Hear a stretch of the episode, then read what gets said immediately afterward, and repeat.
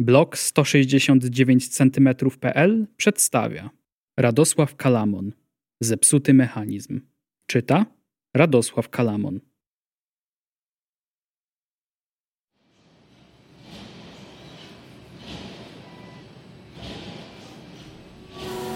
Koła zębate zaczęły obracać się wolniej.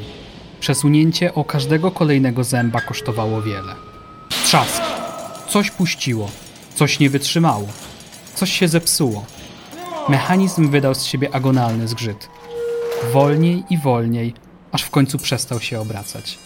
Stanął. Bezruch. Już nic nie da się zrobić. Hej, tutaj! Ktoś coś krzyknął. Ktoś gdzieś pobiegł. Ktoś poderwał skrzynkę z narzędziami. Ktoś przeklął siarczyście. Ile potrwa naprawa? Jak szybko można go uruchomić? Czy w ogóle? To trochę zajmie. Potrzebne części zamienne. Specjalne tryby. Trzeba sprowadzać. Ile to będzie kosztowało? Matko Boska, nawet nie pytaj.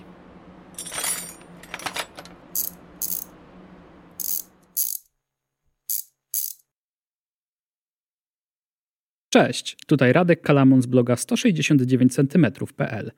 Daj mi znać, czy podobało Ci się to słuchowisko. Jeżeli możesz, oceń i zasubskrybuj ten podcast. To dla mnie bardzo ważne. Dzięki i do odsłuchania następnym razem.